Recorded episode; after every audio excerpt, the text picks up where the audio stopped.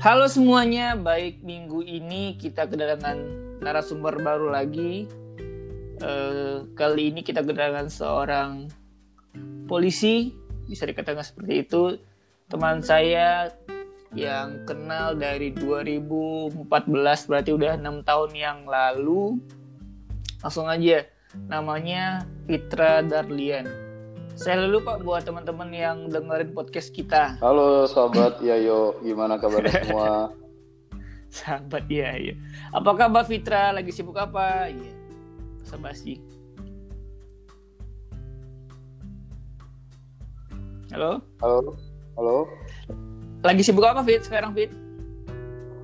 Alhamdulillah seperti biasa tugas-tugas di polisi Pak Yayo.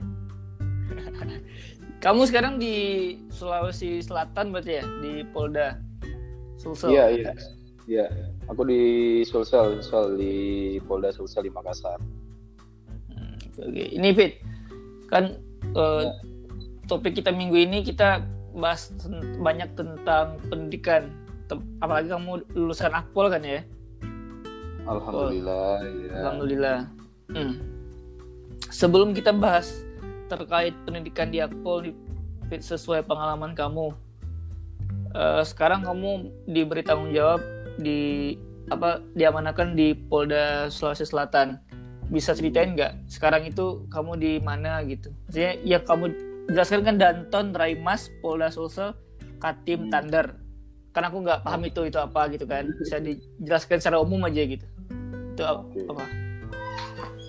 Jadi gue perkenalan diri dulu ya dari dari awal ya. Siap, siap, siap, siap. Kenalin nama gue Fitra Darlian. Pangkat gue Ibda. Kebetulan gue lulusan Akademi Kepolisian eh, tahun 2020. Jadi penempatan pertama gue ditempatkan di Polda Sulawesi Selatan. Nah sekarang eh, gue dinas di Direktorat Samapta Polda Sulawesi Selatan. Jabatan gue sebagai Danton Raimas Kompi 2. Nah, Danton Raimas itu apa? Nah, dalam penanganan demo itu kan ada berbagai macam eh, mekanisme dimulai dari damas awal, damas lanjut. Nah, khusus buat teman-teman eh, yang paling gampangnya kalau lihat orang patroli naik motor, naik motor trail, nah itu itu pasti eh, bagian dari Raimas biasanya kalau dari dalam penanganan demo. Nah, kebetulan juga gue juga eh, masuk dalam tim UPRC. Apa itu UPRC? Itu unit patroli reaksi cepat. Itu unit Hmm. khusus atau unit penindak, yo. Iya, Eh, eh, biasanya dibentuk pada tingkat Polda, Polres, dan Polsek. Nah, itu kemampuannya apa? Dalam satu anggota itu bisa menembak, eh, kemampuan bela diri, dan kemampuan eh, hukum. Eh, dia harus memahami Undang-Undang Dasar 1945. Tugasnya apa? Tugasnya itu eh, untuk mengantisipasi dampak COVID-19 Nah, dan khususnya sekarang kan lagi zaman pilkada nih 2020. Nah, Iya benar. Kan itu untuk mengurangi tindak kriminalitas, aksi premanisme, dan kejahatan jalanan atau street crime, khususnya gangguan kamtipmas. Nah, begitu, yo. Oke, oke. Cukup jelas ya teman-teman. Sangat jelas sekali sih itu mah. Iya, itu kurang lebih seperti itu. Oke, oke. Eh, lo udah pendidikan di Akademi Kepolisian berarti kurang lebih udah empat tahun ya, Fit ya? Ya, empat tahun ya iya, masa betul, betul. pendidikan. 2016, ya, gua masuk 2016. Iya. Lulus Terus 2020 kan? Hmm. Pengalaman apa sih Pak? Ini kita udah masuk ke ranah itu ya, ranah pendidikan Kita di sana. Kita cerita pengalaman ya. Eh pengalaman. Tadi kan pekerjaan secara umum aja gitu kan. Sekarang ini gimana di mana gitu. Sekarang kita masuk lagi ke topik yang sebenarnya tentang pendidikan khususnya di Akademi Kepolisian. Apa? Flashback berarti ini ceritanya. Iya, iya benar. Kalau kita bahas ke depan kan rada-rada jauh atau yang hal-hal berat kan udah males kayak kita bahas hal-hal sederhana pengalaman aja buat teman-teman atau ya teman-teman yang mau masuk akpol sepertinya gitu pak. Iya, Itu aja. Memang paling, mem- memang paling enak sih ya itu kita berbicara dari pengalaman kan. Benar, benar, benar. Yang bisa gue ceritain nih dari dari Hmm. mana nih mulainya? Dari hal umum deh, pengalaman apa sih pak yang paling berkesan saat di sana saat pendidikan? Hmm, apa ya? Eh, kalau gue sendiri sih jujur, gue diterima masuk jadi taruna akademi kepolisian itu adalah anugerah bagi. Gue Mm-mm. sangat bersyukur, banyak banyak banyak bersyukur bisa masuk taruna akademi kepolisian. Karena apa? Ya karena di situ gue ngerasa tidak semua orang eh, seberuntung gua ya ibarat bahasa beruntung seberuntung gua bisa masuk menjadi taruna akademi kepolisian mengenyam Hmm, benar. karena cuma kan cuma satu-satunya itu kan di Indonesia kan. Mm-mm. di situ gua merasa beruntung dan sekaligus gua merasa bersyukur terima kasih kepada Allah Subhanahu Wa Taala gitu. Pertanyaan selanjutnya ini, kenapa memilih ja- eh, masuk di akademi kepo- kepolisian? Eh, kenapa ya ya Kenapa? waktu kita ketemu waktu SMA itu gua udah kepikiran belum mau masuk Seperti sepertinya sepertinya udah sih ya Pak ya. Karena dari dari pertemuan pertama kita ketemu udah oh ini udah seperti cocoknya masuk akademi kepolisian ini atau enggak TNI kan sewaktu itu. Ini kita nggak bahas hal yang personal ya yang kita berdua kocak di sana kan. Nggak nggak nggak nggak usah. iya Dari buat buat teman-teman yang belum belum tahu Fitra itu dia teman saya cukup kaku di awalnya. Satu ya Cukup kaku di awal. Gua kira Pak Iya. nggak akan susah Ah. gitu Pak. Semenan kan sama lu kan. Karena Hmm. nggak bisa bersosialisasi mungkin apa gimana gitu ya ternyata nyambung dong waktu itu Ya betul. iya bener-bener Ya betul. Terus- sih. Kenapa ya? Hmm, jadi oh itu tuh kita waktu itu masih kelas 2 ya? Apa, apa kelas 3 ya? kelas 2 Kelas 2 SMA ya? iya benar Eh, kelas 2 ya? iya iya benar Jadi kita itu waktu itu masih kelas kelas 2 SMA waktu di UI ya. Kelas 2 Iya. SMA. Jujur, gue juga waktu itu bingung. Gue Hmm, nggak tahu mau mau apa ya? Mau lanjut studi ke mana waktu selesai kita hmm, selesai kita SMA kan? iya ya mungkin dapat hidayah lah ya dari Tuhan. Hmm, Gue juga nggak ada kepikiran jujur mau masuk polisi, apalagi mau masuk akpol. Cuma di situ eh ya bermula dari inilah mungkin searching-searching di Instagram gitu kan. iya iya kalau ngeliat dari kalau ngeliat dari foto-fotonya kok kayaknya keren ya jadi taruna nih kan. Hmm, Bisa kayak gitu ya. iya Nah, mulai di situ terus gua cek-cek di internet apa aja sih persyaratan-persyaratan untuk masuk ke Akpol, Eh, bagaimana dengan nilai-nilai yang harus kita penuhi, kewajiban-kewajiban.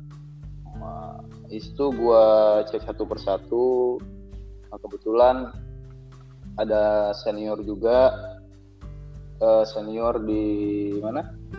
Di sekolah Nah itu gue tanya-tanya sama senior "Eh, gimana caranya masuk akademi kepolisian. Ya gue ikutin lah itu langkah-langkah, step by step, eh, persiapan untuk nilai-nilai dan dan lain-lain. Ya gue nggak langsung masuk yo iya ceritanya. Heeh. Gue tes pertama kali itu gagal. iya iya Gue tes gagal. Nah tahun kedua barulah gua dikasih kesempatan oleh Tuhan oleh Allah Subhanahu wa taala bisa mengenyam pendidikan di akademi kepolisian kayak gitu. kalau boleh tahu pas tahun pertama itu lu eh, ikut tes itu gagal di, di, di tahap apa Pak? Eh gua gua waktu itu uh, di ini yo kalau akpol itu kan tesnya dua kali Mm-mm. jadi ada tes di Polda Ya. ada tes di Polda terus ada tes di pusat Mm. jadi gue itu belum berhasilnya waktu tes di pusat seperti itu gue tes di pusat itu belum berhasil gue masih ingat sampai sekarang itu tanggal 24 Juli tahun 2015 Wow. kenapa gue masih ingat yo karena itu hari ulang tahun gue Wow. Se wah. nah di situ di situ gue gagal dan gue ngerasa ya gimana ya kita udah berusaha semaksimal mungkin tiba-tiba kita diuji oleh Allah dikasih Benar. kegagalan had, eh, ibaratnya kado kado ulang tahun lah seperti itu kan Iya bener-bener. gagal. Ah ngerasa sedih lah. Di situ ngerasa sedih. Ulang lagi gue ke bubble. Mm. ulang lagi gue ke bubble. Di situ gue introspeksi diri apa yang kira-kira kurang dari gue kan. Selama satu tahun ke depan gue tes lagi. Nah, baru di situ akhirnya eh, diberi kesempatan untuk mengenyam pendidikan di Apple di tahun kedua gue tes Berarti perjuangannya nggak nggak mudah kasarnya gitu ya pak ya. Cukup panjang. Eh, apa apalagi pas tahun pertama gagal di hari ulang tahun sekalian kado. Kan bis- bisa aja kan waktu gagal itu bisa aja down nggak sih down. Jadi nggak nggak nggak akan mau ulang lagi tahun depan gitu kan. Sebenarnya bisa aja ada opsi itu sebenarnya. Bener nggak sih? betul sekali seperti Hmm, itulah namanya perjalanan hidup kan ya iya benar-benar. pasti pasti ada inilah dinamikanya Iya, ada gagal, ada berhasilnya benar-benar. Fit, ba- Iya, banyak apalagi yang seperti lu deh, yang mau masuk di Akpol, Hmm. banyak banget malah kan. Iya. Mm. Temen-temen yang temen kita yang mau masuk Akpol, menurut lu pribadi nih, apa sih yang harus mereka persiapkan agar lolos? Ini kalau bisa hal yang emang apa ya, bukan semangat, bukan gitu. Kalau kalau gue mau minta ya hal yang pasti gitu Hmm. kasarnya. A- Ada nggak secara lu secara lu pribadi? hmm, eh, berdasarkan pengalaman gua sendiri Mm-mm. eh, yang pertama itu niat niatkan. Niatkan bahwa tuh kita memang benar-benar pengen. Kita pengen benar-benar mengabdi di kepolisian. Kalau gua sendiri ya Mm-mm. pengen benar-benar mengabdi di kepolisian caranya dengan apa? Ya pertama dengan niat. Dengan niat. Nah, lu dari niat habis itu lu eh, menjalankan segala sesuatu menjalankan segala persyaratan dalam setiap pelaksanaan tes itu insya Allah tanpa beban nothing tulus Mm. nah, kan banyak tuh persyaratannya kan Banyak ya. persyaratan umum itu ada dari A sampai H persyaratan khususnya segala macam ini banyak nih nah, ibaratnya kalau kita udah nggak niat nggak punya kemauan ya pas sudah ngelihat eh, persyaratan pendaftarannya udah down duluan Oke. gitu Mm-mm. pertamanya dari niat nah, Ya. dari situ kita baru satu persatu oh ini kira-kira kok gua kurangnya di mana nih ya? Oh ini gua harus eh, perbaikin di sini. Mungkin nilai dari nilai ujian nasional gua harus di atas rata-rata. Misalnya harus di atas 75 Mm-mm. oh kesehatan gua harus perbaiki. Nah, mungkin dari kesehatan gigi. Kita berbicara umum ya kesehatan Iya, gigi kesehatan kesehatan mata tubuh semua kan? Eh, jantung paru THT dan lain-lain. Oh dari psikologi. Bagaimana psikologi? Gua harus memperbaiki diri di nilai psikologi. Itu kan belajar. Belajar psikologi belajar TPA kan dan Hmm. potensi agak akademik ditingkatkan lagi dalam eh, apa pengetahuan umum kan? Mm. tentang apalagi pengetahuan umum kepolisian misalnya wawasan kebangsaan eh, di matematikanya itu di bahasa Indonesia ataupun di bahasa Inggrisnya harus ditingkatkan lagi jangan jangan lupa itu yang paling penting tuh juga uh, dari kesehatan jasmani kesehatan jasmani kesehatan jiwa gitu kan selain harus ini kan kita juga harus sehat Hmm, benar-benar. gitu. Oke oke. Berarti bisa gue simpulin dari niat dulu, kalau niatnya udah udah saklek, baru dengan tindakan yang tahu arah ke mana kurangnya di mana itu yang diperbaiki kan ya, bener kan? Betul. Ya ibaratnya kita kalau misal kayak lo pengen sesuatu deh. Iya. pengen Sesuatu lo pengen ngajuin misalnya, oh gue pengen ngajuin S2 di mana gitu ya, misal di UI atau Iya. S2 di luar negeri. Kan lo harus memang harus bener-bener lo niatin dulu kan, gue Bener. pengen ini. Mm-mm. Sudah dari dari niat lo tersebut, oh baru gue apa aja sih yang gue perlukan ini kira-kira berat nggak ya? Nah di situ. Hmm. Banyak nggak Fit eh, junior lo di, di sekolah gitu yang banyak nanya tentang akpol? Junior-junior gitu? kebetulan eh gua kan memang sering nih kalau seandainya gua dapet libur dapet Mm-mm. cuti gitu kan tapi gue sering main di kampung gua kan di Pangkal Pinang Hmm. nah, gue biasanya itu sosialisasi sosialisasi di daerah-daerah kan Hmm. tentang akpol gue sosialisasi ke sekolah-sekolah ke SMA ya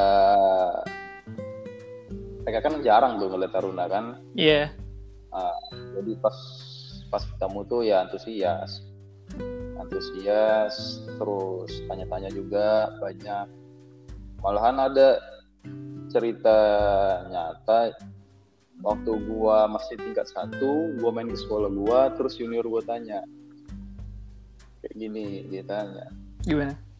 "Eh, bang kira-kira kalau saya masuk akpol bisa nggak ya? Kata eh kenapa nggak bisa? Gua bilang kan. Mm-mm. Ah, dia pengen cerita. Ah, ah, katanya kalau masuk akpol tuh harus butuh biaya berapa. Ini paling sering nih ditanya-tanya nih. Hmm, oke oke. butuh biaya berapa. Terus gue bilang ngapain lu tanya kayak gitu deh gue bilang kan. "Ah, abang aja bapak abang tuh guru gue bilang. Mm-mm. terus masuk juga akpol gue bilang terus gue bilang gitu jangan jangan sering mendengar apa yang orang lain bicarakan orang lain katakan. Kamu jalanin aja dulu gue bilang kan. Jalanin aja dulu. Di situ akhirnya dari dia takut masuk akpol dia coba. Alhamdulillah sekarang udah tingkat empat dia. Wow, lolos dong. Iya, Keren keren keren. betul. Iya, Ya, ibaratnya kita jangan pernah takut untuk mencoba. Gue gua te- gua tekanin ke teman-teman, iya. Uh, ke junior junior gitu lah, orang-orang kalau ketemu sama gue, gue jangan pernah takut untuk untuk bermimpi tinggi gue bilang. Setiap orang tuh punya kesempatan untuk memiliki kesempatan yang sama. Benar benar. Jadi coba aja dulu. Lu coba, jalan hidup kita itu udah ada yang nentuin. Tinggal bagaimana kita berusaha, bagaimana kita menjalankan dengan dengan baik. Gitu. Benar benar benar. Iya sih benar. Itu salah Kita satu. kan- ah, Betul. Iya. Kita kan nggak pernah tahu sebelum kita mencoba, ya nggak? ah, benar benar benar. Itu dari pertanyaan yang bang berapa biaya masuk akpol gitu kan? Terus Ya betul. dengan dengan kalimat lu yang seperti itu dia langsung berubah kali ya mindsetnya. Ya, Dia- alhamdulillah lah. ya. Alhamdulillahnya gitu ya. Alhamdulillahnya dia udah jadi taruna juga sekarang udah udah udah tingkat empat. Iya iya iya. iya. Oke oke. Fit, kalau misalkan Ya. nih, ini kita ini suatu hal yang berandai-andai ya misalkan, misalkan lu nggak Hmm. nggak lolos di Akpol dan seperti sekarang eh, eh, berada di Polda Sulsel,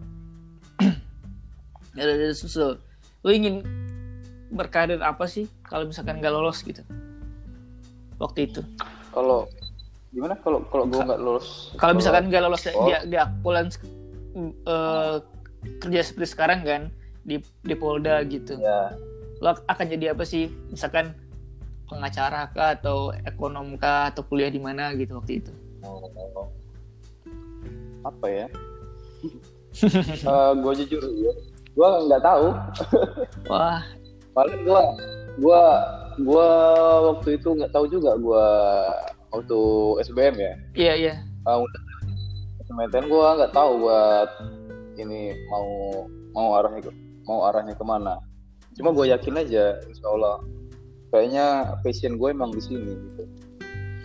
oke oke oke oke oke oke berarti lu di di di Polda Sulsel udah berapa bulan atau tahun gitu udah setahun lebih bagaimana Gue lulus tuh Juli yo.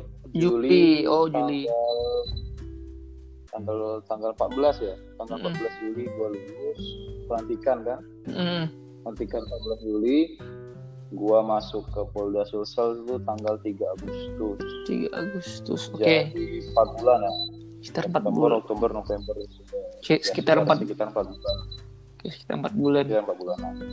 Ntar kalau lu ke sini main-main ya. oh siap. Insya Allah atau enggak kalau kita ketemu di mana gitu. Ber- berkabar aja pak. Siap siap. Selama empat bulan di Polda Sulsel nih pak. Ada pengalaman unik gak selama lu di sana?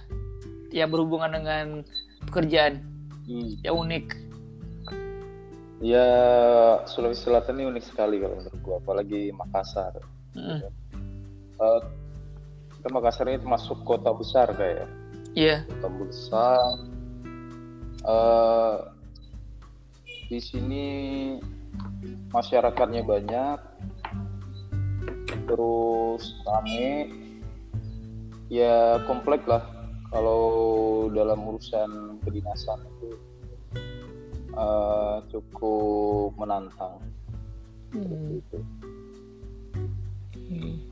Itu biasanya kalau penempatan gitu berapa lama fit saya lima tahun Oh di ini, iya Oh, kalau di penempatan kita pertama itu nanti kita ada sekolah lagi yo. Habis dari Akpol itu kita ada sekolah itu PTIK Perguruan Tinggi Ilmu Kepolisian.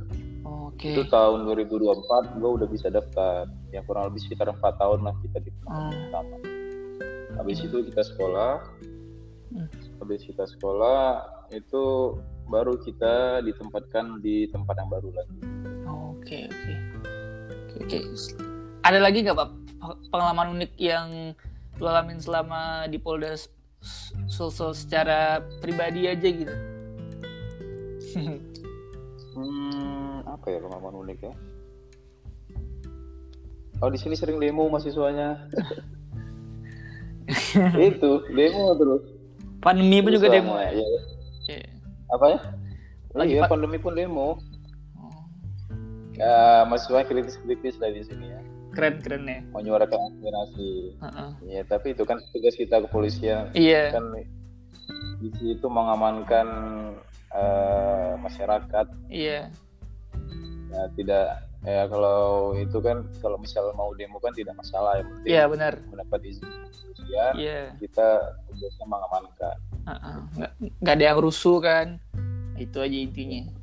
Dihimbau untuk mahasiswa-mahasiswa gitu kan kalau Mm-mm. mau demo dengan tertib menyampaikan aspirasinya dengan baik. Mm-mm. ada hal yang mau lu sampaikan di sini nggak pak? Eh, misalkan gue lupa nanya gitu buat teman-teman yang dengerin podcast kita? Hmm, ya pesan dari gue itu kan ini baru sekali ya? Apa? Podcast polisi ya? Iya benar sekali. Ini udah dari bulan Juni kita berencana kan ya? Saat lu masih di Akpol gua bisa benar-benar minta maaf nih sama enggak. Leo ya kan? santai. Dari gue ngerti. dari gua taruh ya. Iya dari gua iya. taruh bulan Juni ya? Iya bulan Juni kalau nggak salah ya. Sekitar segitulah. Dari dari- dari gua Taruna eh ke Sensel enam bulan kemudian. Iya nggak apa-apa. Gue ngerti. Kalau di dalam kan kita agak susah tuh alat komunikasi agak susah itu juga uh, iya iya iya. Agak lama. Ya akhirnya kita sekarang ya? Iya alhamdulillahnya sekarang. Alhamdulillah. Mm. Ya, pesan dari gua sih iya kayak gitu. nih uh, kalau memang benar-benar dari sahabat-sahabat Yayo pendengar-pendengar setianya kalau uh, tertarik mengabdikan diri bagi bangsa dan negara kan ya mengabdikan diri kan nggak harus dari ini kan dari polisi dari TNI hmm. dari apa pun ya kita harus uh, benar-benar bisa berguna untuk orang banyak. Itu aja pesan gua harus bisa benar-benar berguna untuk orang banyak. Siap siap siap. Okay. Insya Allah kalau kita berbuat baik dan berguna untuk orang banyak uh, dalam sehari-hari pelaksanaan tugas kita sehari-hari insya Allah selalu diberikan kemudahan. Amin. Benar. Oke. Okay. Gimana, yuk? mantap mantap mantap ada hal yang mau lu tanyain nggak pak ke gue pak udah kita udah lama nggak ketemu nggak udah, udah lama nggak ngobrol juga kan ada nggak yang mau lu tanya ke gue gimana kapan lo nikah ya Astaga, pertanyaannya dong. Kapan nikah? Nunggu uh, nunggu Bapak Fitra dulu aja. Kalau Fitra udah duluan kan ntar gue datang ke nikahannya kan ntar kita susun aja schedule-nya. Pertanyaan itu dong. Okay. Iya, kan kalau udah teman lama kan nggak gitu. Iya, iya sih udah. Ya, Aja ya. Ini kalau buat temen-temen yang belum tahu Fitra ini gue rada curhat sedikit ya nggak apa ya udah udah mau di ending kita podcast nih pak Fitra ini salah satu apa curhat lagi salah satu temen gue di di ya di acara itu yang 2014 itu salah satu orang yang awalnya kaku ini anak ini ini kaku ya anaknya ya pembawanya gue ya. kaku parah sih kakunya kayak kakus kaku itu terus ujung-ujungnya kita terus terus ujung-ujung kita cair kan cair terus jadi-jadi ngejokes ngucu-ngucu nggak penting kalau ini boleh dibocorin dikit lagi gak sih pak? Apanya? Apa yang bocorin? Rada ada, boleh, boleh, rada ada bencong-bencong gitu kan, biar lucu-lucu. Ingat gak sih? Yang mana? Yang kita jadi bencong-bencong gitu.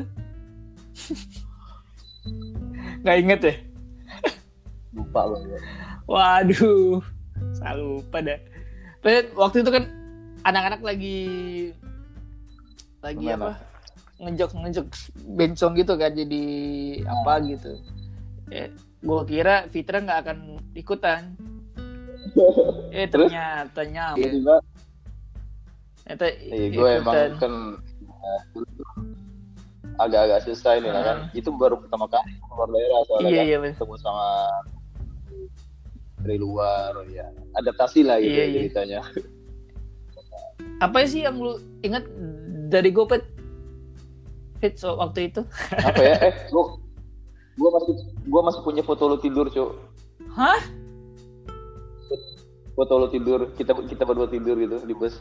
Seriusan? Di fotoin sama anak ada kalau ada kirim dong pak.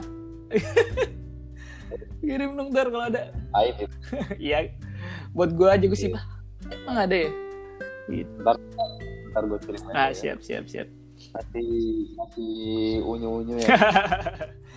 oke, oke. Nah, kalau gue gue cerita ini akan lebih panjang lagi. Ya udah kita cut aja. ada ada lagi nggak Pak yang mau tanya ke gue, Pak? Ada ya? Uh, itu aja sih. Jaga kesehatan. Siap, siap, Jangan lupa. Siap, siap. Masih patuhi protokol kesehatan.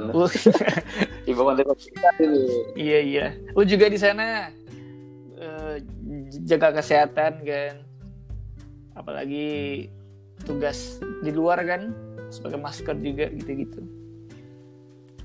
Iya. Oke, okay. ini kita sesi terakhir closing statement dari hmm, teman saya Fitra Darlian. Bebas apa aja closing statement dari Bapak Vita, dipersilakan apa ya uh, ini aja deh yang sering gue kasih ke orang-orang banyak mm-hmm. Bermimpilah sesungguhnya Tuhan akan meluk mimpi-mimpimu gitu aja oke gitu aja siap thank you banget Fitra buat waktunya podcast kita minggu ini. Makasih banget loh menyisikan waktu. Gua kira akan malam recordnya, ternyata bisa mendadak mendadak. Kalau ada kesempatan harus harus langsung. Siap siap. Ma- makasih banyak Fit. Semoga kita ketemu lagi. Kita Yo, bisa ngopi-ngopi santai kan, ngobrol-ngobrol masa lalu, iya masa lalu dan masa yang akan datang kapan Fitra akan nikah juga kan. Iya. Ntar di kita ngobrolin Iya. hal-hal ringan aja gitu kan. Siap, siap. Sorry Fit kalau misalkan ada dari obrolan kita yang ada perkataan gue yang kurang benar ya mohon maaf ya. Aman, Siap, siap. aman ya. Buat teman-teman yang dengerin podcast kami minggu ini juga terima kasih banyak. Maaf kalau misalkan ada yang ada itu. Mas, semoga eh, kita kembali ke podcast minggu depan. Sekian podcast minggu ini. Thank you Fit. Dadah. Sama-sama, assalamualaikum. Waalaikumsalam warahmatullahi wabarakatuh